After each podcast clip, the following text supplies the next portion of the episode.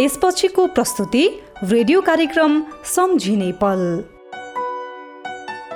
प्रत्येक व्यक्तिका फरक फरक जीवनका भोगाई गहिराईसम्मका अनुभव दुःख सुख शान्ति र समृद्धिको पोको खोल्ने एउटा नयाँ रेडियो कार्यक्रम सम्झिने पल आइतबार राति नौ बजे बुधबार अपरान्न चार बजे र शनिबार बिहान एघार बजे।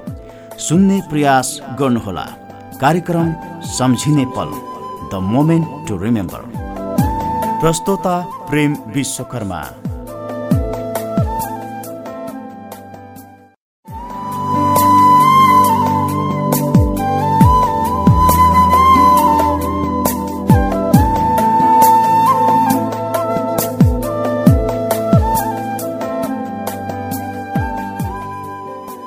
नमस्कार। रेडियो कार्यक्रम सम्झिने पलको प्रखाइमा बस्नुभएको तपाईँ सबैलाई हार्दिक स्वागत छ।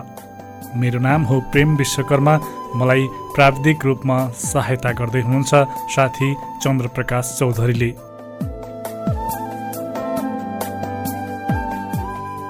रेडियो कार्यक्रम सम्झिने पल हरेक हप्ताको आइतबार राति नौ बजेपछि बुधबार अपरान्न चार बजेपछि र शनिबार बिहान एघार बजेपछि तपाईँको रेडियो मर्निङ स्टार नब्बे मेघार्जमा आउने गर्दछ।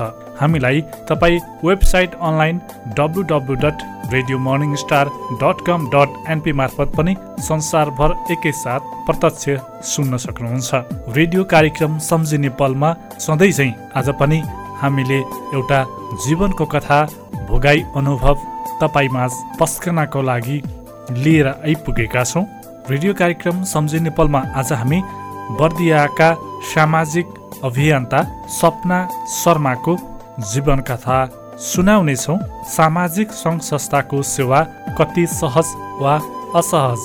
सामाजिक अभियन्ता अधिकारकर्मी सपना शर्माको जीवन कथा झापा तनहुँ हुँदै बर्दियासम्मको यात्राका बारेमा पनि तपाईँलाई सुनाउनेछौँ।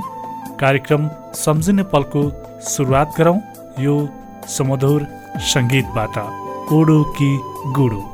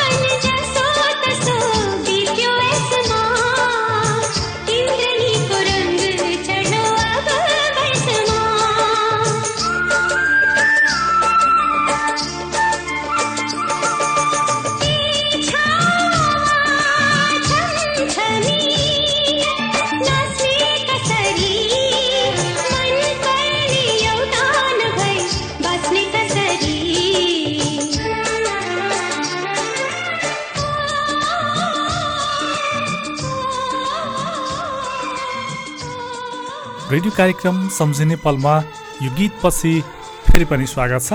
हामी आजको कार्यक्रम विशेष रहेको छ। एकजना सामाजिक अभियन्ता महिला अधिकारकर्मी सपना शर्माको जीवनकथा तपाईँ माझ पस्किँदैछौँ बर्दिया निवासी सपना शर्माको जीवनकथा आज झापा तनहुँ हुँदै बर्दियासम्म पुग्नेछ र यो यात्राका क्रममा हामी उहाँका जीवनका तिता मिठा अनुभव रमाइला फलहरू सबै यहाँ जोड्नेछौँ। आउनुहोस् अब लागौँ सपना शर्माको जीवन कथातर्फ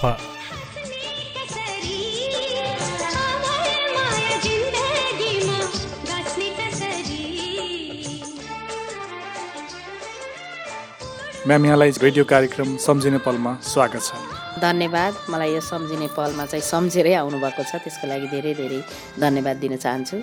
तपाईँका परिचय धेरै छन् होइन? धेरैजनाले विभिन्न हिसाबले चिन्नुहुन्छ। एकजना महिला एकजना चाहिँ समाजसेवी होइन? पीडित महिलाहरूको चाहिँ एउटा अगुवा होइन? बर्दियामा विभिन्न हिसाबले चिन्नुहुन्छ। आफूले आफैलाई चाहिँ के भनेर चिनाउन चाहिँ रुचाउनुहुन्छ बढी कसरी चिनिन्छु भन्ने कुरामा त यहाँले भनिसक्नु भएको छ होइन? र मैले आफैलाई आफूलाई चिनाउनु पर्दा पनि म एउटा सामाजिक अभियन्ताको रूपमा आफूलाई बुझ्छु। समाजमा भइरहेका कति कुरीति कुसंस्कार अनि कति धर्मसँग जोडिएका हाम्रा कुसंस्कारहरू छन् हानिकारक हानिकारक परम्पराहरू छन् यिनीहरूको विरुद्धमा लैङ्गिक हिंसा विरुद्धमा बालबालिकाको अधिकारको लागि म एउटा सामाजिक क्षेत्रमा काम गर्दै आएको बिस वर्ष पनि पुरा भइसकेको छ र म आफूलाई चाहिँ एउटा सामाजिक अभियन्ता अधिकार कर्मीको रूपमा नै आफूलाई चाहिँ बुझ्ने गरेको छु। योभन्दा पहिला अरू कुनै क्षेत्रमा हुनुहुन्थ्यो कि? म चाहिँ सुरुको क्षेत्र नै मैले सामाजिक सङ्घ संस्थाबाटै काम गरेँ। सुरुमा केही समूहहरू सञ्जालहरू आमा समूहहरू यस्तो समूहहरूमा बस्दा बस्दै मैले चाहिँ गैर सरकारी संस्थाहरूबाट ट्रेनिङहरू लिने कामहरू गरेँ। गर्दा गर्दै गर्दा गर्दै मलाई यसैमा चाहिँ आफूलाई रस पनि बिज्यो र यो चाहिँ राम्रो रहेछ। एउटा समाजमा भएका कुरीति विसङ्गतिहरूलाई चाहिँ अलिकति ओझेल पार्ने समाजमा परिवर्तन सकारात्मक परिवर्तन लगाउनको लागि चाहिँ गर्नको लागि चाहिँ यो क्षेत्र मलाई चाहिँ एकदम मन पनि पर्यो र म योभन्दा पहिला कुनै क्षेत्र एउटा शुद्ध गृहिणी थिएँ। त्यसपछि म सामाजिक क्षेत्रमा भिजेर काम गर्दा गर्दै अहिले बिसौँ वर्ष पार भइसकेको छ। यहाँको बाल्यकालको अवस्था बारेमा धेरै थाहा छैन होला। पहिलेदेखि यस्तै हुनुहुन्थ्यो कि कस्तो हुनुहुन्थ्यो? धेरैलाई थाहा पनि छैन होला। सपना शर्मा को हो कहाँबाट आयो होइन? कसरी त्यो माथिल्लो ठाउँमा पुग्नुभयो भन्ने लाग्न सक्छ होइन? यहाँले भने जस्तो माथिल्लो ठाउँमा पुगिसकेको पनि छैन। तर म जुन ठाउँमा बसेर काम गर्दैछु त्यो चाहिँ त्यति सानो काम पनि होइन जस्तो लाग्छ। बाल्यकाल त मेरो म पूर्व झापा जिल्लामा जन्मिएँ हुर्केँ। म त्यहीँ पढेँ। सत्र वर्षसम्म मैले झापा जिल्लामा बिताएँ र म एउटा मध्यम वर्ग परिवारमा जन्मेको छोरी हो। र त्यहाँ झापामा बसिसक्दा बस्दाखेरि चाहिँ मैले चाहिँ आफ्नो पढाइलाई आफ्नो बाल्यपनलाई बिताउनेदेखि बाहेक अरू क्षेत्रमा चाहिँ कहिले पनि सोच्ने र काम गर्ने अवसर पाएको थिएन। झापामा जन्मेँ तनहुँ गण्डकी अञ्चल तनहुँमा बिहा भयो। त्यसपछि म अहिले बर्दियामा आएर बसेको पनि पच्चिस छब्बिस वर्ष भइसकेको छ। त्यति बेलाको पारिवारिक अवस्था अहिलेको मेरो बाल्यकालको पारिवारिक अवस्था पनि खासै त्यस्तो गाह्रो अप्ठ्यारो थिएन।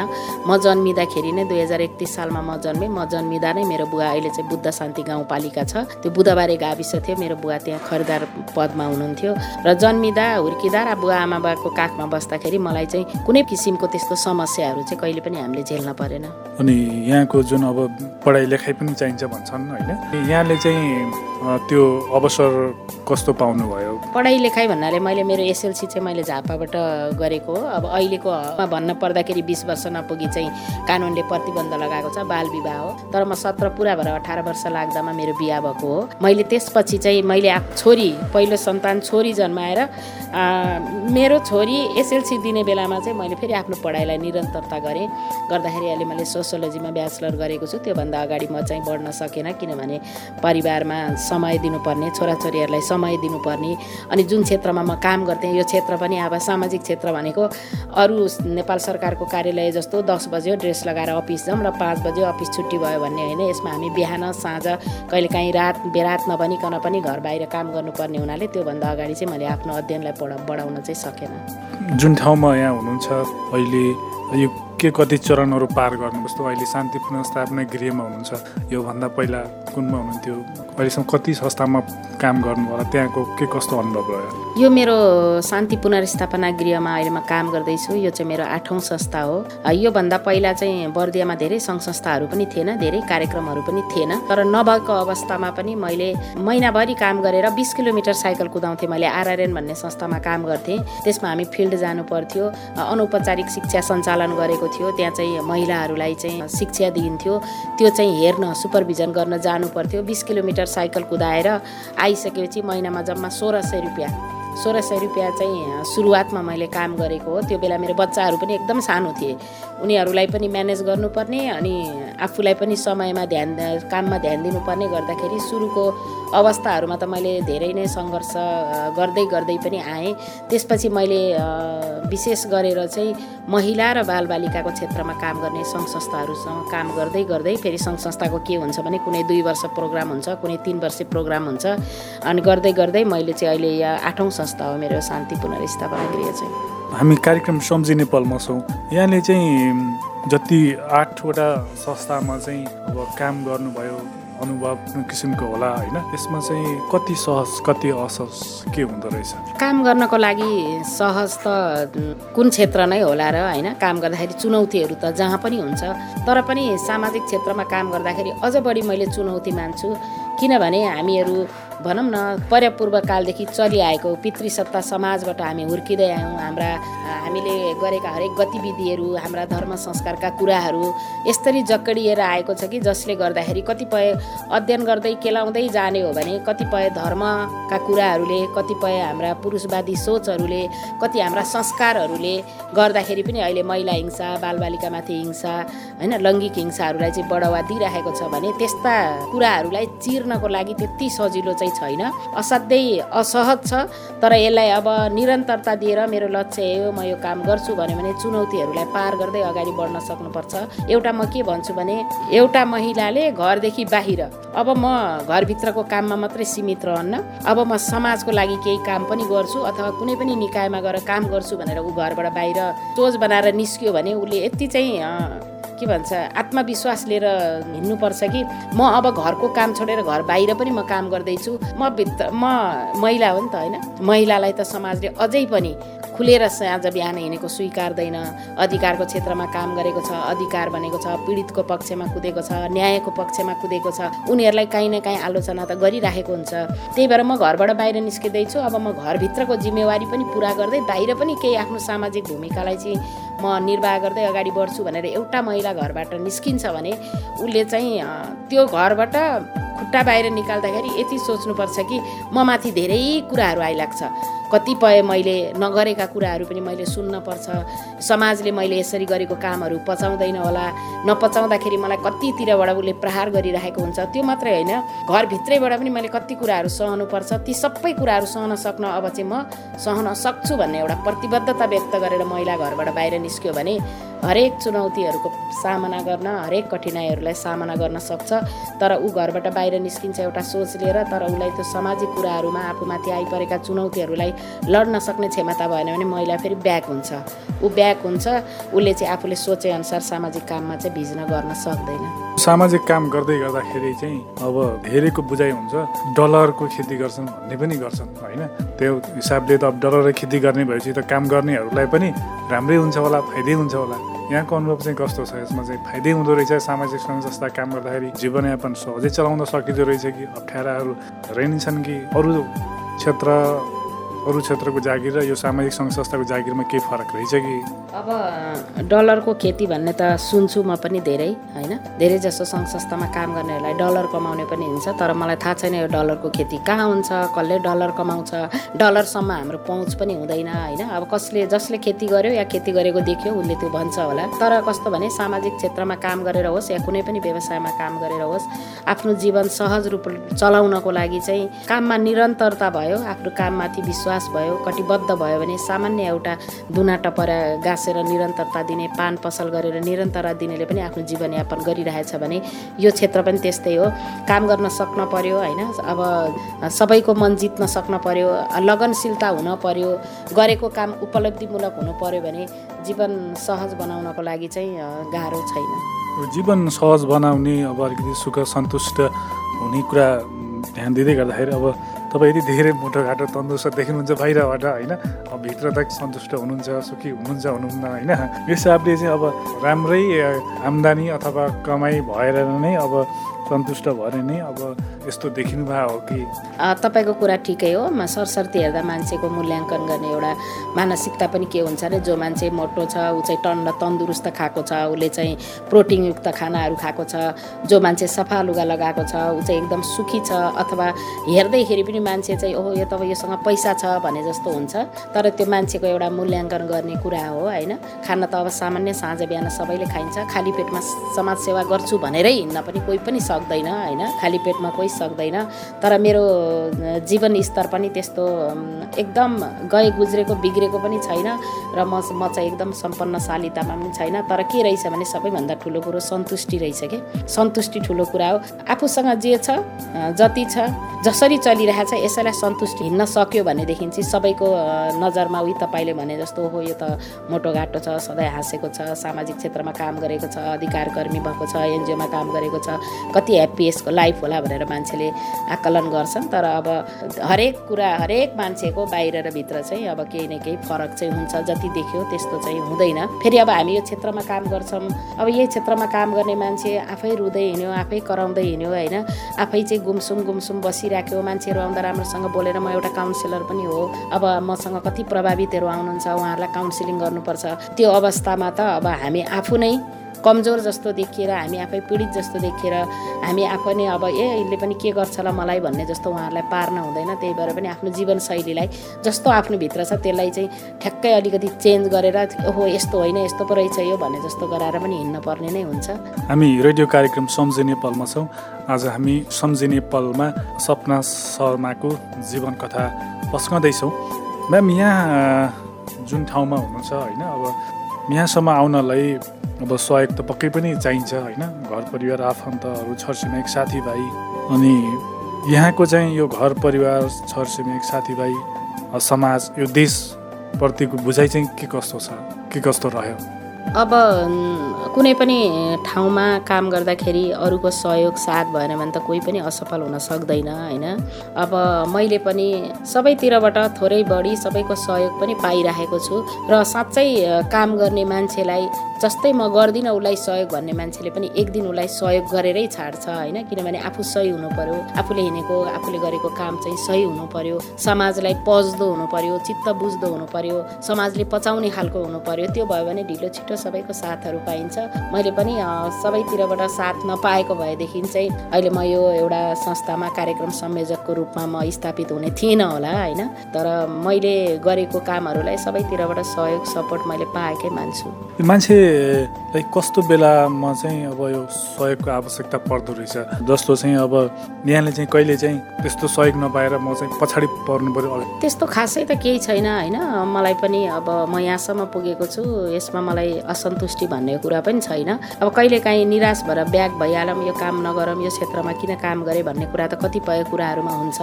पीडितले भने जस्तो न्याय नपाउँदाखेरि त्यो बेलामा पनि धिक्कार रहेछ। के भएर आखिर एउटा पीडितले आफूले उसले पाउनुपर्ने न्याय पाएन भन्ने लाग्छ।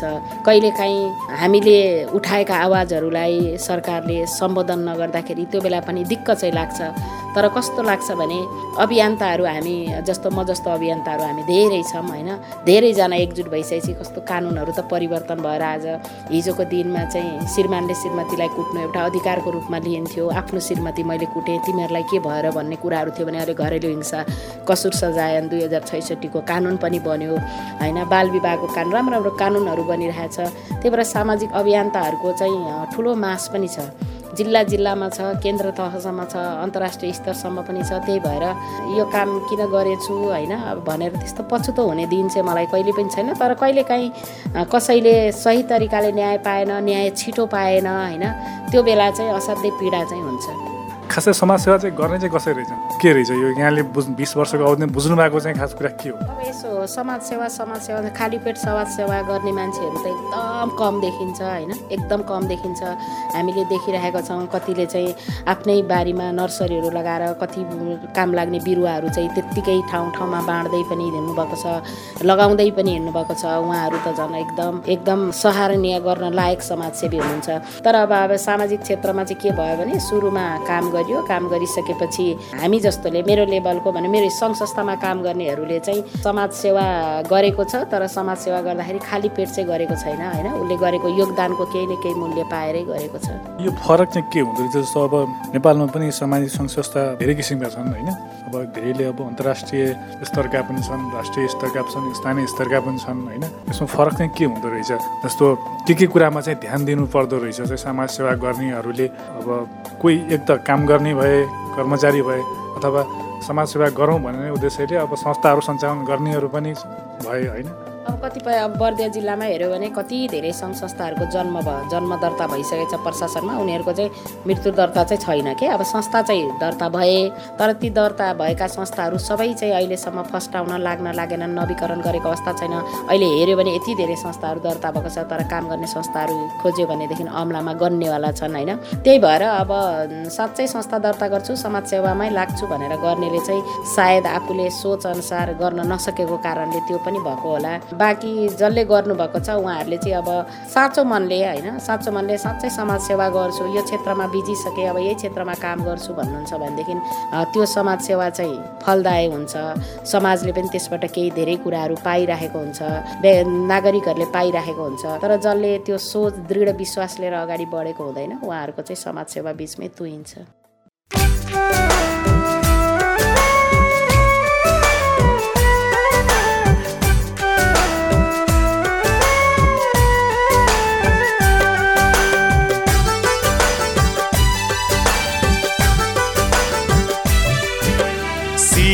उठाई बाँच्न पाउनु पर्छ सबले देशमा। शिर उठाई बाँच्न पाउनु पर्छ सबले देशमा।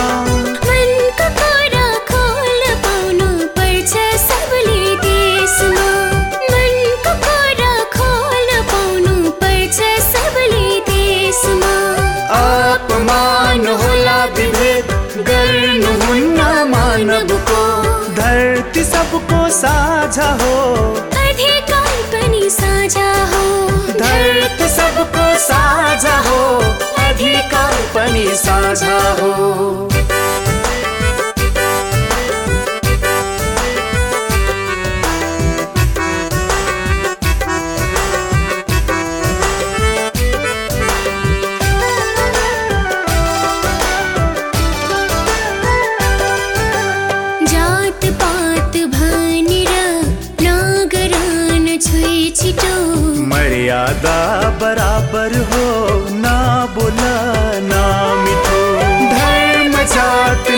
क्षेत्र गर्नुहुन्न अन्तर स्वाभिमानी अधिकार सबको हुन्छ बराबर स्वाभिमानी अधिकार सबको हुन्छ बराबर शिर उठाई बाँच्न पाउनु पर्छ सबले देशमा हामी रेडियो कार्यक्रम सम्झिने पलमा छौँ। आज फरक विषयमा कुराकानी गर्दैछौँ।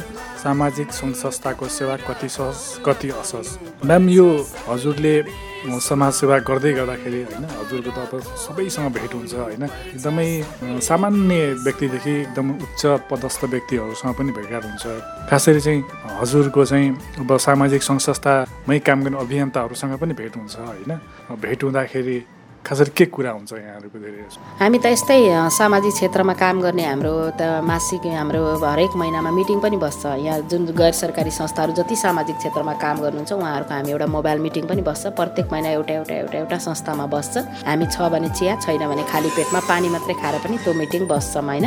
अनि त्यो बेला पनि हामी यस्तै हुन्छौँ। कस्ता कस्ता घटनाहरू आए घटनाहरूलाई कसरी सम्बोधन भए कुन पीडितले अहिलेसम्म न्याय पाएन कहाँनिर कस्तो घटना छ त्यो घटनालाई अब के गर्ने? अब जस्तै हामी हामी शान्ति पुनर्स्थापना गृहले मानव बेचबिखन विरुद्धको केसहरूमा निशुल्क कानुनी उपचार गर्छौँ होइन? निशुल्क कानुनी उपचार गर्छौँ बिटहरूमा राखेको छौँ हामी काउन्सिलिङ गर्छौँ। बेचबिखनलाई रोक्ने चाहिँ हाम्रो अभियान हो। त्यस्तै स्पेसली बाल विवाहसँग मात्रै काम गर्ने सङ्घ संस्थाहरू पनि हुनुहुन्छ। त्यसपछि आएर यो बाल संरक्षणको क्षेत्रमा काम गर्ने पनि हुनुहुन्छ। हामी सबैजना बसेर आफ्नो आफ्नो क्षेत्रमा भएका कामको गतिविधिहरू जम्मा भएको बेला गतिविधि के के भए कुन कुन केसलाई चाहिँ कसरी हेऱ्यो होइन? ल मेरोमा त यस्तो यस्तो समस्या आएको छ त्यो मान्छेलाई कहाँ राखौँ? फेरि मैले भन्छु शान्ति पुनर्स्थापना गृहमा राखौँ हामीसँग सेफ हाउसको पनि व्यवस्था छ। होइन यसको लागि औषधि उपचार पनि गर्नुपर्ने भयो पीडितलाई। त्यसको लागि के गर्ने ल ओसिएमसीमा जाउँ न त हस्पिटलमा त्यो छ भनेर। खास यही विषयहरूमा नै चर्चा हुन्छ र कहिलेकाहीँ हामी संस्थाभित्रका केही असन्तुष्टिहरू छ भने पनि हामी त्यसलाई पनि गर्छौँ र हामीले के कुरा गर्छौँ भने कुनै पनि एउटा लक्ष्य उद्देश्य लिएर आएपछि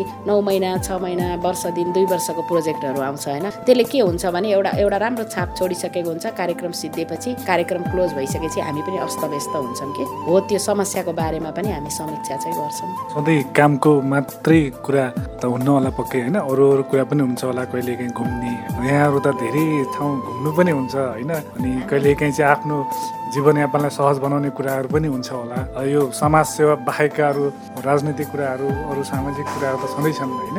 हामी गर्छौँ। हामी अहिले यही दुई वर्ष कोभिडले गर्दाखेरि हामी रमाइलो गर्न पाएको थिएनौँ। त्यही भएर केही समय पहिला हामीले एउटा पिकनिकको आयोजना गऱ्यौँ। गैर सरकारी संस्थामा काम गर्ने र महिला नेत्रीहरू अधिकार कर्मीहरू महिलाहरू बुझेर हामी रमाइलोसँग एउटा पिकनिकको आयोजना गऱ्यौँ। अनि कहिलेकाहीँ मिटिङहरू हुन्छ कहिलेकाहीँ होइन अब के गर्ने काम गर्दा गर्दा बोर भयो। आज हामी कतै जाउँ न यसो रमाइलो गरौँ अथवा तिम्रोमा खाऊँ हाम्रोमा खाऊँ भनेर कहिले हामी खाजा साजा बनाउने पनि गर्छौँ। सुख दुःखका कुराहरू पनि सेयर गर्छौँ। अघि तपाईँले भन्नुभयो सङ्घ संस्थामा काम गर्दाखेरि गर्ने धेरै जसो मैले अधिकार कर्मी महिलाहरूको लाइफको चाहिँ जीवनको भित्री र बाहिरी पाटो फरक देखेको छु। अनि जस्तै कोही साथीलाई समस्या छ भने चाहिँ हामी उहाँको बारेमा समीक्षा पनि गर्छौँ। हामी हामीभित्र परेको समस्या छ भने कुनै अर्कै अधिकार कर्मीलाई परेछ भने तिमीलाई यस्तो परेको छ अरे आऊ न के गरौँ यसमा भन्छौँ। हामी सँगै बसेर त्यो के भन्छ आफ्नो कुराहरू सेयर गरेर पनि आफ्नो मनहरू चाहिँ हल्का बनाउने काम गर्छौँ। रमाइलो पनि गर्छौँ काम पनि गर्छौँ।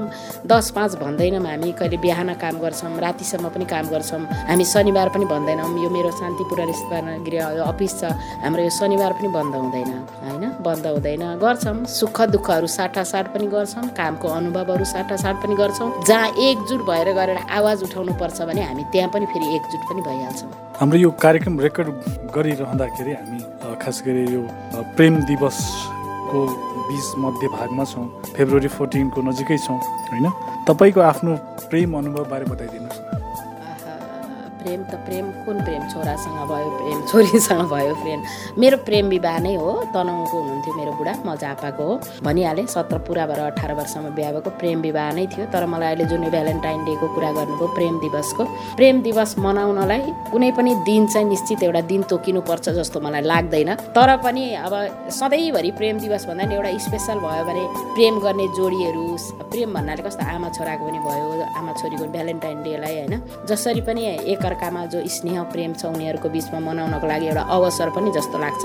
किनभने सधैँभरि त्यही कुरा भइरहेको भने पनि सायद त्यति मजा नआउला। त्यही भएर त्यो एउटा स्पेसल दिन बनाइसकेपछि चाहिँ त्यो दिन चाहिँ रमाउनेहरू रमाउने सम्झिनेहरूले सम्झिनेलाई होइन सम्झिने अलिक टाढा भएकोहरू भेट्न जाने।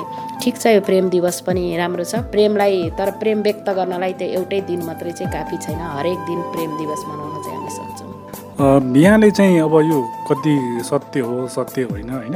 अब धेरैको लागि चाहिँ न्यायको लागि लड्नुहुन्छ होइन? जानुहुन्छ धाउनुहुन्छ अब कुरा गर्नुहुन्छ वकालत गर्नुहुन्छ बहस गर्नुहुन्छ। तर आफ्नो लागि भने चाहिँ अलि त्यति सफल हुनु भएन भन्ने सुनिन्छ। यहाँको पारिवारिक अलिकति चाहिँ पृष्ठभूमि चाहिँ सङ्घर्षमय भयो भन्ने पनि सुनिन्छ। बाहिर सत्य हो कि होइन के हो अलिकति केही भन्न मिल्छ खुलाउन मिल्छ? किन नमिल्ने? मेरो दुई कुरा सुनेर कसैलाई प्रेरणा मिल्ला होइन? कसैले ओहो यस्तो पनि रहेछ भन्नुलाई। मलाई कस्तो लाग्छ भने न्याय भनेको चाहिँ मेरो मेरो मनले अनुभूति गर्ने होइन? कहिलेकाहीँ के हुन्छ भने मैले सबैले देख्दा न्याय पाइराखेकोमा देखिन्छ तर म भित्रभित्र कतै अन्यायमा परिराखेको पनि हुनसक्छु तर जबसम्म मेरो मनले मलाई अन्याय भयो है भन्दैन तबसम्म न्यायालयको ढोकासम्म कोही पनि जाँदैन। र मलाई यस्तो लाग्छ मेरो जीवनमा जति पनि घटनाहरू घटे म माथि अन्याय भयो भगवान्ले अन्याय गर्यो र समय परिस्थितिले म माथि अन्याय भयो अब मलाई न्याय खोज्न जानुपर्छ भन्ने कुरो मलाई अनुभूति नभएर नै म आफूलाई भएका कतिपय कुराहरूमा चाहिँ अ, अन्याय भयो मलाई न्याय चाहिएको मलाई अनुभूति नै भएन त्यही भएर पनि म न्यायको लागि चाहिँ कहीँ पनि म बाहिर गएन। भनेपछि यहाँले त्यहाँ त्यो बाटो हिँड्नै चाहनु भएन त्यो बाटो हिँड्न भन्दा पनि कस्तो भनेदेखि तपाईँलाई म भनिहाल्छु होइन। तपाईँले यति खुलाउनु भयो रेडियोबाट धेरैले सुन्नुहुन्छ। म बिहा गरिसकेपछि बिस वर्ष पुरा भइसकेपछि मेरो श्रीमानले मसँग बस्न चाहनु भएन मसँग एउटा छोरा एउटा छोरी अलरेडी मैसँग छ। मेरो छोरी अहिले सुर्खेतमा फिजियोथेरापिस्ट हो ऊ डक्टर छ। मैले भर्खर अहिले असोजमा छोरीको बिहा गरेँ। ज्वाइँ हुनुहुन्छ काठमाडौँमा पनि डाक्टरै हुनुहुन्छ। मेरो छोरा अहिले ब्याचलर लास्ट इयरको इक्जाम दिँदैछ होइन। मेरो छोराछोरी मसँग छन् तर मैले त्यो बेला के अनुभूति गरेँ भने जो मान्छेसँग म सत्र अठार वर्ष उमेरमा बिहा गरेर आएँ। आज बिस वर्षसँगै बसिसकेपछि एक्काइस वर्ष लागिसकेपछि उसले चाहिँ अब तिमी मेरो आवश्यकता होइनौ म तिमीसँग बस्दैन तिमी आफ्नो लाइफ जिउ। मलाई म चाहिँ अब यो ऊबाट चाहिँ तिम्रो मेरो सम्बन्धबाट टाढा हुन चा चाहन्छु भनेर ऊ चाहिँ मसँग बस्न नचाहेर अन्यत्र गएर बस्छ भनेदेखि म पनि त भनौँ न म म जन्मिँदाखेरि जतिसँग मेरो रिलेसन थियो मेरो नाम आमा बुवा नाता हुन्छ नि हाम्रो पारिवारिक त्यो सबैजना आज मैसँग हुनुहुन्छ। र मैले विवाह भइसकेपछि मैले जन्माएका सन्तान पनि मैसँग छन् भनेपछि यो भनेको त कस्तो रहेछ भनेदेखि ठिकै छ भनेदेखि चल्ने रहेछ होइन? त्यही पनि सम्झौता धेरै गरेँ तर अब जो भनेर बसेको छ जोसँग जसबाट आफ्नो दुईवटा सन्तान भयो होइन? जसको श्रीमती भनेर आज मेरो हरेक बायोडाटामा नागरिकताहरूमा जोडिन्छ मलाई जसले फलानुको श्रीमती भनेर चिन्छ उनीहरू सबै हुँदा हुँदै पनि अब जुन मान्छे हो उसले चाहिँ अब सायद मसँग बस्न नचाहेर ऊ अन्यतै गएर बस्छ भनेदेखि म पनि किन यति लाचार हुने किन यति कमजोर हुने? मलाई पनि तिमी नै चाहियो मलाई तिमी नै चाहियो म तिमीसँग अलग बस्न सक्दैन भनेर म कहिलेसम्म रुने आखिरी जसले लत्याउँछ उसले त पटक पटक लत्याइराखेको हुन्छ नि त। भनेपछि ठिकै छ तिमीलाई मसँग बस्न त्यस्तो असहज छ भने मेरो बच्चाहरू मसँग छ। भने म त्यो बाटो पनि लागिनँ। म मैले त्यो कुनै कानुनी रूपमा प्रक्रियाहरूमा पनि गइनँ। मलाई लाग्छ कहिलेकाहीँ के हुन्छ भने सँगै बस्दा चाहिँ मान्छे खुसी देखिने अलग बस्दा दुःखी देखिने होइन। मैले पनि मूल्याङ्कन गरेँ। आज अलग हुँदाखेरि मलाई मेरो आफ्नो जीवनको भोगाइ कस्तो छ? मेरो शरीरलाई कति चयन भइरहेको छ? मेरो मानसिकतालाई कति चयन भइरहेको छ? र हिजो नजिक हुँदाखेरि मलाई कतिसम्मको टर्चरहरू थियो कति मानसिक तनावहरू थियो भनेपछि अब मैले केलाई रोज्ने त? भनेपछि मैले त आफ्नो सुकुनलाई रोज्नु पर्यो आफ्नो मानसिक तनाव नभएको लाइफ रोज्नु पर्यो। मेरो शरीरमा मेरो दिमागमा कुनै पनि टर्चरहरू छैन भनेपछि ओहो मेरो लाइफ त यतै म खुसी छु नि भनेपछि मान्छेले देख्दाखेरि चाहिँ सँगै बस्दाखेरि मान्छे खुसी देख्छ नि कहिलेकाहीँ मान्छेले त्यो छोडेर गइदियो भने पनि त्योभन्दा बढी खुसीको महसुस रहेछ। त्यही भएर मैले त्यतातिर त्यो पाटोतिर त्यो बाटोतिर सोचेर मैले आफ्नो लाइफ सोचेँ। मैले हिँड्ने बाटो यो हो मैले गर्ने काम यो। मेरो बच्चाहरू छ यिनीहरूलाई मैले सही मार्ग निर्देशन दिनुपर्छ यिनीहरूलाई पढाउनुपर्छ समाजमा एउटा महिला भएर आखिर यस्तो पनि गर्न सक्छ भनेर उदाहरण बन्नपर्छ भने साँच्चै म अहिले भन्नुहुन्छ भने उदाहरण पनि हो। काहीँ पनि कुनै किसिमको समस्या भएर महिलाहरू एकदम भाव विवल हुँदाखेरि कति दिदीबहिनीहरूले कति पुरुषहरूले उदाहरण दिनुहुन्छ उहाँ फलानुलाई देख्नु भएको छैन सपनालाई। उसले यस्तरी सम्हाल्यो। बच्चा बच्चीहरू पनि उसले यति राम्रोसँग गाइड गर्यो। आज ऊ ह्याप्पी छ त खुसी छ त ऊ छ त सबै कुरो त श्रीमान होइन नि त। सबै कुरो श्रीमान होइन। धेरै कुरा हो। मन मिल्यो भनेदेखि मन मिल्यो भनेदेखि त्यही घर स्वर्ग हुन्छ मन मिलेन भनेदेखि चाहिँ त्यो घर नर्क हुन्छ। नर्कमा जिन्दगी जिउन सबलाई गाह्रो हुन्छ होइन? र कसैले अब म म बस्दैन भनेर छोडेर जान्छ भने उसैको पछि लाग्नै पर्छ रुँदै रुँदै भन्ने चाहिँ मैले चाहिँ उपयुक्त देखिनँ। त्यही भएर म जहाँ थिएँ जस्तो थिएँ त्यस्तो थिएँ। म आफ्नो कामलाई निरन्तर दिएँ यस्तै बसेँ। मान्छेहरूले भन्छन् अब अरूको लागि न्यायको लड्ने मान्छे आफ्नो लागि चाहिँ न्यायको खोजी गरेन भन्छन्। मैले आफूलाई अन्याय भएको फिलै गरिनँ कि? मैले त आफूलाई भगवान्ले न्याय गरेको फिल गरेँ होइन? भनेपछि अब मलाई जब मेरो मनले मलाई अन्याय भयो भन्ने कुरो महसुस गरेन भने म कहाँ न्याय खोजेर जाउँ मलाई त न्याय भएको महसुस गरेँ। त्यही भएर म चाहिँ यो पाटोमा लागिनँ। हजुरको जस्तो यो धेरैजनाको चाहिँ सुनिन्छ होइन? अब एकदमै अब मध्य भागमा पुगेपछि बिछोड हुने सम्भावना ठुल्ठुलो एकदमै प्रतिष्ठित व्यक्तिहरूको पनि यस्तो समस्याहरू देखिरहेको छ अहिले पनि होइन? हामी धेरै सुन्छौँ पनि हाम्रो गाउँ समाजमा पनि जस्तो उदाहरणहरू छन्। खास यो किन आउँदो रहेछ यस्तो समस्याहरू? कसरी चाहिँ अमिल्दो रहेछ? अब लामो समय बिताइसकेपछि अन्तिममा आएर यो के कुराले चाहिँ निर्भर हुँदो रहेछ कि यो मिल्ने र बिछोडिने यहाँकै भाषामा भन्दाखेरि हजुर यस्तो रहेछ जस्तो लाग्छ मलाई है। मैले पनि धेरै किसिमको मैले मान्छेहरू भेटेको छु। कहिलेकाहीँ छोराछोरी आठ दस वर्षको भएपछि छोराछोरी बिहा गरिसकेपछि कसैको बिहा गरेको दुई महिनामा पनि टुटिरहेको हुन्छ। तर केही मान्छेहरूले हदसम्म चाहिँ महिलाले सम्झौता गर्छ क्या हेर्नुहोस्। हद जब हद पार नहुन्जेलसम्म चाहिँ सम्झौता गर्छ। ऊ सम्झौता गर्दै जान्छ फेरि पनि उसलाई तनाव हुन्छ सम्झौता गर्दै जान्छ। पटक पटक सम्झौता गर्छ लाइफसँग तर पनि ऊ भएन भनेदेखि उसले अर्को विकल्प खोज्छ। मरेरै जाने त हो दुई दिनको जिन्दगी हो। सधैँभरि तनावमा म कसरी बाँच्ने म बरु आफ्नो बाटो गर्छु भन्छ र उसले त्यो निर्णय गर्छ। अर्को कुरो जति जे गरे पनि यो समाजले जति जे गरे पनि अहिले तपाईँ यहाँ आउनुभएको छ तपाईँ राति एघार बजे यही बाटो नेपालगञ्ज जानुहोस् म पनि एघार बजे यही बाटो नेपालगञ्ज जाऊँ तपाईँ पनि सिङ्गल आफ्नो बाइकमा जानु म पनि आफ्नो साधनमा सिङ्गल जाऊँ तर म माथि मान्छेले प्रश्न चिन्ह लगाइरहेको हुन्छ। भनेपछि महिलालाई एउटा साँगुरो घेराभित्र नाप्ने र राख्नेहरूको कमी छैन अझै पनि। अनि जब महिलाहरू घरबाट बाहिर अलिकति अहिले त हेर्नु न सोसियल मिडियाको जमाना छ टिकटकको जमाना छ अब अलिकति अब फेरि के छ भने पहिला पो छोरीहरू पढेको हुन्थेन अनि एउटा चुरा लगाउन श्रीमानसँग माग्न पर्थ्यो सासु ससुराले दिन पर्थ्यो एक जोर कपडा पनि दिन पर्थ्यो। अब त हामी सबै घर घरमा छोरी पढाइरहेको छौँ। पढेको छोरी के गरेछ भने सक्षम भइरहेको छ। उसले के चाहन्छ भने म पनि बाहिर केही गरौँ भन्छ। ऊ बाहिर केही गर्न थाल्छ भनेपछि पहिला मेरो आमाहरूले भोगे जस्तो त त्यो महिलाको लाइफ हुँदैन नि त। अनि यही कुरालाई चाहिँ पुरुष प्रधान सोचमा महिलालाई हेर्ने दृष्टिकोणमा चाहिँ तलमाथि राखेर मान्छेहरूले सोच्दाखेरि अब त्यो परिवारमा कलह हुन्छ। कलह भइसकेपछि हिजो पो सहेर बस्थ्यो त्यही घरमा झुन्डेर मर्थ्यो बिस खाएर मर्थ्यो। ऊ आफ्नो कुरा भन्थेन। हिजोको दिनमा त छोरी चाहिँ घर आयो भनेदेखि बाबुआमाको बेइज्जत हुन्छ भन्ने संस्कार समाज थियो। अहिले त मेरो छोरी पिल्सेर नबस पीडामा नबस तिमी स्वतन्त्र छौ तिमी केही गर हामी सपोर्ट गर्छौँ भन्ने तपाईँहरू जस्तो चाहिँ दाइभाइहरू पाएको छ आमा बुवाहरू पाएको छ समाज छ यत्रो एनजिओ गैर सरकारी संस्थाहरू नेपाल सरकारले पनि त्यही किसिमको कति महिलाको हकितको लागि नीतिहरू अधिकारहरू निकालिरहेको छ होइन? भनेपछि अब ऊ आफ्नो भावना जब मान्छेले आफ्नो भावनामा आफ्नो स्वतन्त्रतामा अति नै कुण्ठित भ गर्छ नि। कसैले अनि त्यहाँ एउटा विद्रोह हुन्छ। अब विद्रोह भइसकेर पनि आफू सक्षम छैन भने त्यो सहनको विकल्प हुँदैन। तर विद्रोह गर्छ उसलाई गाह्रो हुन्छ उसलाई दुख छ ऐया भन्छ उसले ऐया भन्दा पनि उसको चाहिँ त्यहाँ सुनवाई हुँदैन भने उसले विद्रोह गर्छ विद्रोह गरिसकेपछि अन्तिम के हुन्छ भने होइन यो लाइफ त मलाई ठिक भएन बरु म आफै स्वतन्त्र म पनि त कमाउँछु म पनि त जागिर खान्छु म पनि त टिचर हो म पनि त डक्टर हो म पनि त नर्स हो म पनि त आठ घन्टा ड्युटी गर्छु दस घन्टा ड्युटी गर्छु भने अब यो सयरै बस्नुपर्छ भन्ने छैन। मरिजाने जिन्दगी हो तर म स्वतन्त्र भएर खुसी साथ आफ्नो कामलाई अगाडि बढाउँछु भनेर नि यस्तो घटनाहरू आएको छ होइन? अर्को कुरो महिलाहरू अलिक सक्षम भएर पनि हो अनि अधिकारको बारेमा पनि बुझेको छ। मेरो यो राइट्स हो भनेर उसले बुझिसकेको छ।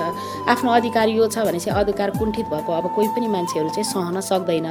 अर्को कुरा अब सबै घरमा त नभनौँ अब आर्थिकै सबै कुरा भनौँ भने कस्ता कस्ता धनाढ्य घरमा पनि अलग अलग हुने अवस्थाहरू आएको छ।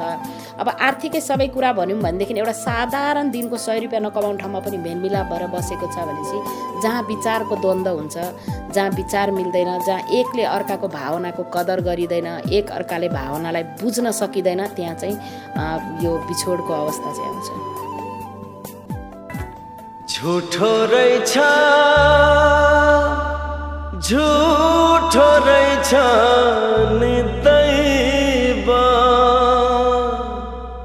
जुनी जुनीको बन्धन एक्लै तडपिन्छ आज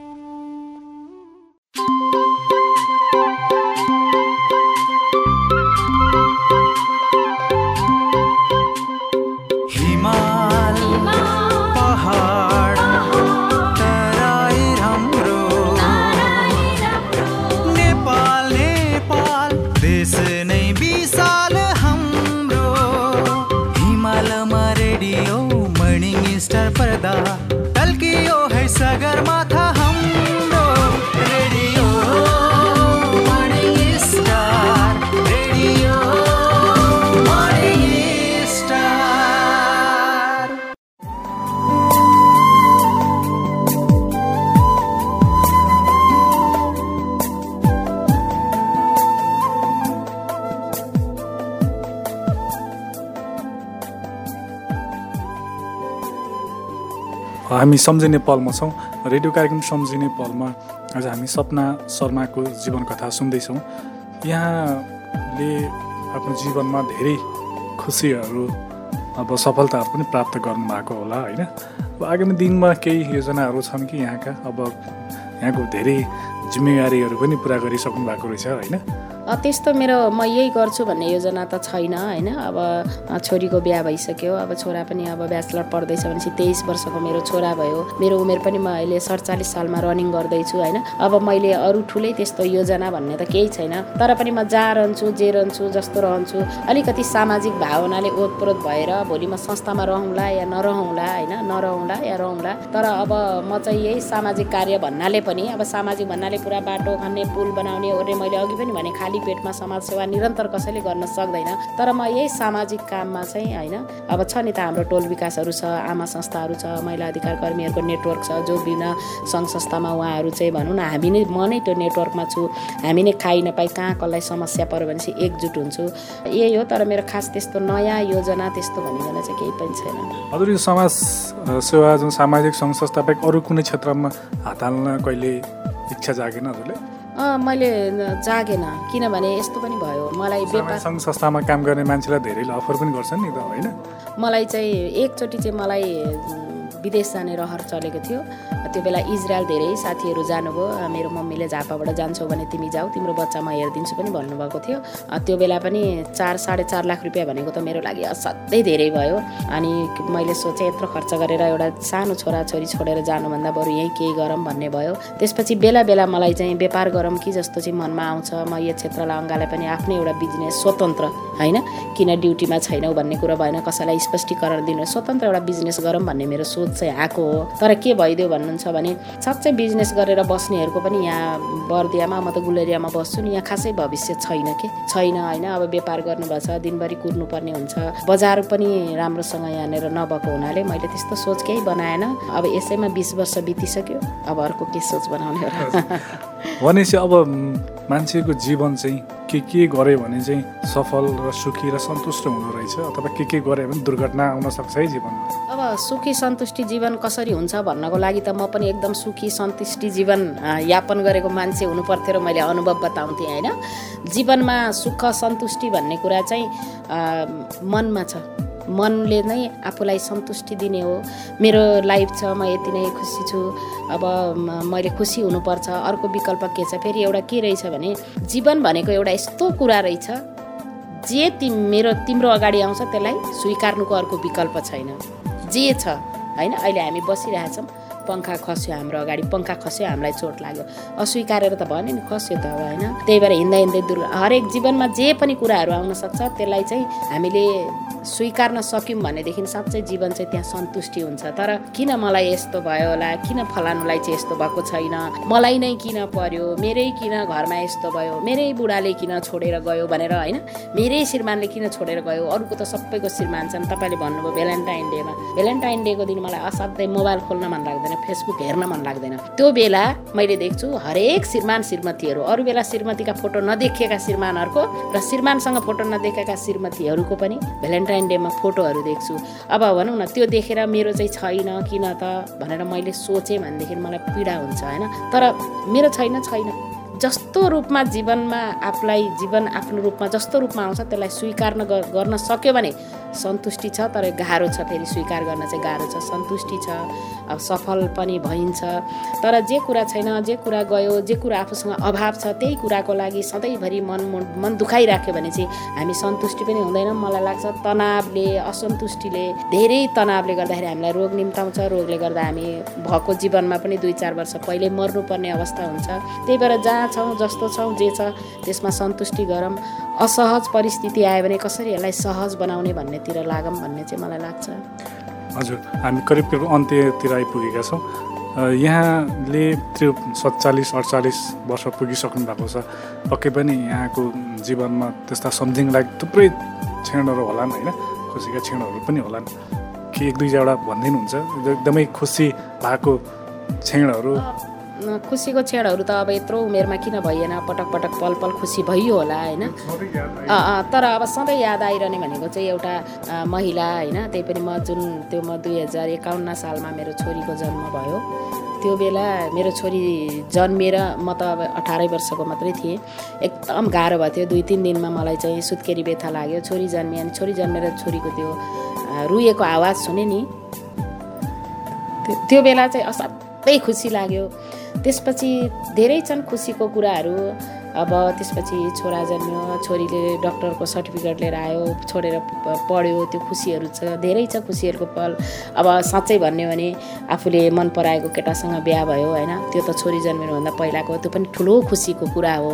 तर सबै खुसीहरू धेरै समयसम्म टिक्दो रहेनछ होइन? केही खुसीहरूको चाहिँ केही अवधि हुँदो रहेछ। खुसीहरूले फेरि दुःखमा परिणत गरेर जाँदो रहेछन्। त्यो चाहिँ जीवनको एउटा पाटो हो। अब हरेक पनि केही याद त छोडेर जानु होला नि होइन? याद होइन। याद त कति धेरै कति धेरै म स्ट्रङ भएँ होइन? म घरमा एक्लै सुत्न सक्ने भएँ म एक्लै हिँड्न डुल्न सक्ने भएँ अनि पो छ त भन्दाखेरि हो मेरो त छैन है म एक्लै हो है म त कमजोर हुनु हुँदैन अरूको त छ भन्ने भयो साथीहरूको देख्छु अनि हो उसको त बुढा छ उसलाई त के भएर होइन मेरो त छैन म त एकदम तगडा हुनुपर्छ भन्ने भयो कसैले केही भन्छ कि भनेर आफै सचेत हुन पर्यो। छोड्न त के छोडेर जाने दुई दुईवटा छोराछोरी छोडेर जानुभयो त्योभन्दा ठुलो उपलब्धि मेरो लागि के होला र आज एउटा के भन्छ चरालाई उड्नको लागि चाहिँ दुईवटा पखेटा नभइकन ऊ चाहिँ सक्दैन होइन? त्यो मेरो जीवनमा उडान भर्नको लागि चाहिँ दुईवटा पखेटा छोडेर गइसकेपछि त त्योभन्दा ठुलो सम्झना के दिनु परेर?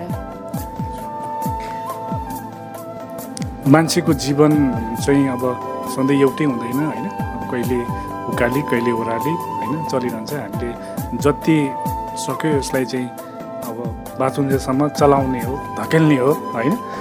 अन्त्यमा रेडियो सुनेर बस्नुहुने तमाम श्रोताहरूलाई चाहिँ यहाँको चाहिँ सामाजिक सङ्घ संस्थाको यो बिस वर्षे अनुभवको बारेमा चाहिँ थुप्रो अनुभव छ। यहाँ जो आउन चाहनुहुन्छ यसमा चाहिँ उहाँहरूलाई सल्लाह चाहिँ के दिन चाहनुहुन्छ? सल्लाह त अब मैले अघि पनि भनेको थिएँ केही सामाजिक काम गर्छु घरबाट बाहिर निस्किँदैछु भनिसकेपछि यो नसोच्नु होला सधैँ सम्मान पाइन्छ राम्रो पाइन्छ वा वा पाइन्छ भन्ने नसोच्नु होला वा वा भन्दा धेरै गाली पाइन्छ। होइन? अब हामीलाई नै अहिले पो जिल्ला प्रहरी कार्यालयमा पनि धेरै महिलाहरूको लागि चाहिँ नेपाल प्रहरीले पनि नीतिहरू ल्यायो धेरै राम्रो छ। हामी हामी नै हो एउटा तेह्र वर्षको बालिकालाई बैसठी वर्षको वृद्धाले गर्भवती बनाएर आठ महिनाको गर्भ बोकेर हामी प्रहरीमा जाहेरी दर्ता गर्न जाँदाखेरि प्रहरीले जाहेरी दर्ता नगर नगरिदिएको। कति घर बिगार्ने महिलाहरू हो ए अरूका इस्युहरू उठाएर हिँड्ने महिलाहरू भन्थे यस्ता चुनौती त कति आउँछ? अर्को कुरा घरबाट बाहिर हिँड्दै हुनुहुन्छ रात बेरात पनि हिँड्नुपर्छ दिउँसो पनि हिँड्नुपर्छ। बाटोमा जाँदै हुनुहुन्छ कहिले कसैको लिफ्ट गा मोटरसाइकलमा लिफ्ट पनि मागेर जानुपर्छ। यहाँ मान्छेहरूसँग नाम पनि जोडिन्छ होइन? यहाँ धर्मका कुराहरू पनि गरिन्छ मान्छेका चरित्रका कुरा पनि गरिन्छ। जस कहिल्यै पाइँदैन परिवारभित्रबाट पनि जस दिँदैन बाहिरले पनि दिँदैन। त्यस्तो बेलामा म त एउटा काम गर्छु भनेर घरबाट बाहिर निस्केको महिला हो। म सबै कुरामा चुनौती गर्न सक्छु भनेर एउटा भनौँ न के भन्छ नि टाउकोमा कफन भन्छ नि। हो त्यस्तै हिसाबले बाहिर निस्किनु भयो भने तपाईँहरू सबैले केही न केही गर्न सक्नुहुन्छ। अर्को कुरा सके सबलाई राम्रो भन्ने। सबलाई राम्रो भनिदिनुहोस्। सक्नुहुन्न भने कसैलाई पनि नराम्रो चाहिँ नभनिदिनुहोस्। यही यही सोचलाई आत्मसात गरेर अगाडि बढ्यो भनेदेखि हामी सफल असफल त आफ्नो ठाउँमा चाहिँ आफू सन्तुष्टि भइन्छ। जहाँ अब क्षमताको कुरा आउँछ क्षमताको कुरा भन्नाले अब हरेक स्तरमा हुन्छ होइन?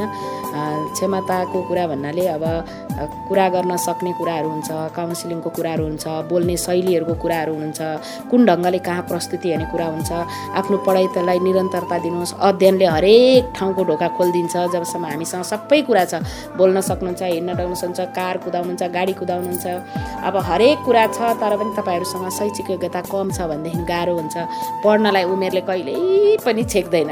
म मेरो छोरी एसएलसी दिएपछि मैले इन्टर गरेर ब्याचलर गरेको मान्छे हो होइन? भनेपछि पढाइलाई निरन्तरता दिनुहोस् अनि आफ्नो स्वभाव हुन्छ बोल्ने सल शैलीलाई दिनुहोस्। रिस भन्ने कुरालाई पुरा भर्सक सक्नुहुन्छ भने जिरो बनाएर निस्किनुहोस् यो क्षेत्रमा काम गर्दा। रिस र प्रतिशोधको भावना चाहिँ कहिले पनि बोकेर हामी अगाडि बढ्नु हुँदैन। त्यति भयो भनेदेखि हामी आफू उद्देश्यअनुसार सोचेअनुसार ढिलो छिटोको कुरा हो।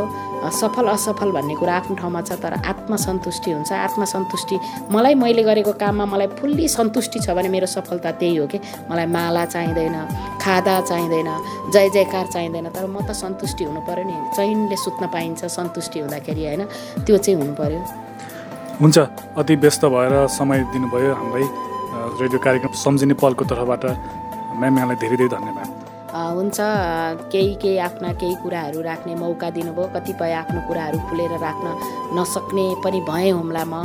फेरि पनि यस्तै कुनै कार्यक्रमको अवसर फेरि पनि म आफ्नो कुराहरू चाहिँ अगाडि बढाउँछु। मैले भोगाइ गरेका मैले गरेका मैले सिकेका सिपहरूलाई मैले यसरी रेडियो मार्फत चाहिँ सूचना प्रवाह गर्दाखेरि धेरैलाई यसले चाहिँ उत्प्रेरणा पनि मिलोस् भन्ने मैले चाहन्छु र यो समय दिनुभयो।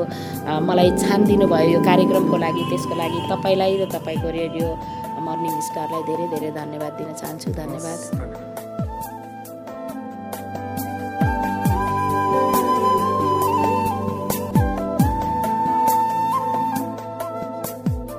सुन्नुभयो बर्दिया निवासी एकजना सामाजिक अभियन्ता महिला अधिकार कर्मी सपना शर्माको जीवन कथा सामाजिक सङ्घ संस्थाको सेवा कति सहज वा असहज? उहाँको जीवन भोगाई अनुभव सबै तपाईँको बिचमा राख्ने प्रयास गरेका छौँ। अवश्य पनि तपाईँलाई राम्रो लाग्यो होला। केही प्रेरणा तपाईँले पनि सपना शर्माको जीवनबाट लिनुभयो होला भन्ने हामीले अपेक्षा गरेका छौँ। आजको कार्यक्रम कस्तो लाग्यो? तपाईँलाई जस्तो लाग्यो त्यस्तै सुझाव सल्लाह प्रतिक्रियाको हामी अपेक्षा गर्दछौँ। तपाईँसँग पनि यस्तै जीवनको कथाहरू छ। आफ्ना भोगाई अनुभवहरू धेरै माझ बाँड्न चाहनुहुन्छ भने कृपया हामीलाई लेखी पठाउनुहोला अथवा सम्पर्क गर्नुहोला। हामी तपाईँलाई छिट्टै भेट्ने प्रयास गर्नेछौँ। हाम्रो ठेगाना हो रेडियो कार्यक्रम सम्झ नेपाल रेडियो मर्निङ स्टार नब्बे मेगाहर्ज नेपालगञ्ज उपमहानगरपालिका वडा नम्बर दस गोसाइगाउँ सोफिया टोल बाँके। हाम्रो इमेल ठेगाना हो radio MS ninety at the rate Gmail dot com radio MS ninety at the rate Gmail dot com अथवा हामीलाई फोन पनि गर्न सक्नुहुन्छ शून्य एकासी पाँच छब्बिस नौ नौ पाँच। शून्य एकासी पाँच छब्बिस नौ नौ पाँच। शून्य एकासी पाँच बिस एक सय बाहन्न शून्य एकासी पाँच बिस एक सय बाहन्न हवस् त। आजका लागि रेडियो कार्यक्रम सम्झिने पलको समय सकिसकेको मैले जानकारी पाइसकेको छु। अर्को हप्ता पक्कै पनि यस्तै नयाँ जीवनको कथा लिएर तपाईँको माझमा आउने नै छौँ। यतिन्जेलसम्म हामीलाई नब्बे मेघार्ससँगै website online W W dot radio morning star dot com dot NP मार्फत सुनेर साथ दिनुभयो। तपाईँ सबैलाई धेरै धेरै धन्यवाद। धन्यवाद प्राविधिक साथी चन्द्रप्रकाश चौधरीलाई पनि भन्दै आजका लागि रेडियो कार्यक्रम सम्झिने पलबाट प्रेम विश्वकर्मा बिदा माग्छु। नमस्कार शुभ साता।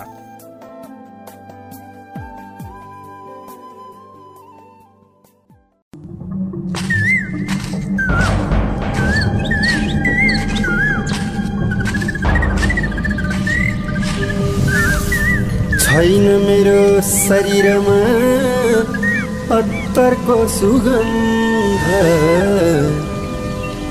होला बरु जिउभरि पसिनाको गन्ध होला मेरो खुट्टा बरु पटपटी फुटेको। होला मेरो खुट्टा बरु पटपटी फुटेको तर मेरो जिन्दगी यसैमा उठेको। चाहिँदैन मलाई सिसाको महल चाहिँदैन मलाई चमेलीको बास। यसै राम्रो छ यो मेरो सम्पत्तिको रास चाहिँदैन मलाई सिसाको महल चाहिँदैन मलाई चमेलीको बास। यसै राम्रो छ यो मेरो जीवन। चाहिँदैन मलाई सम्पत्तिको रास।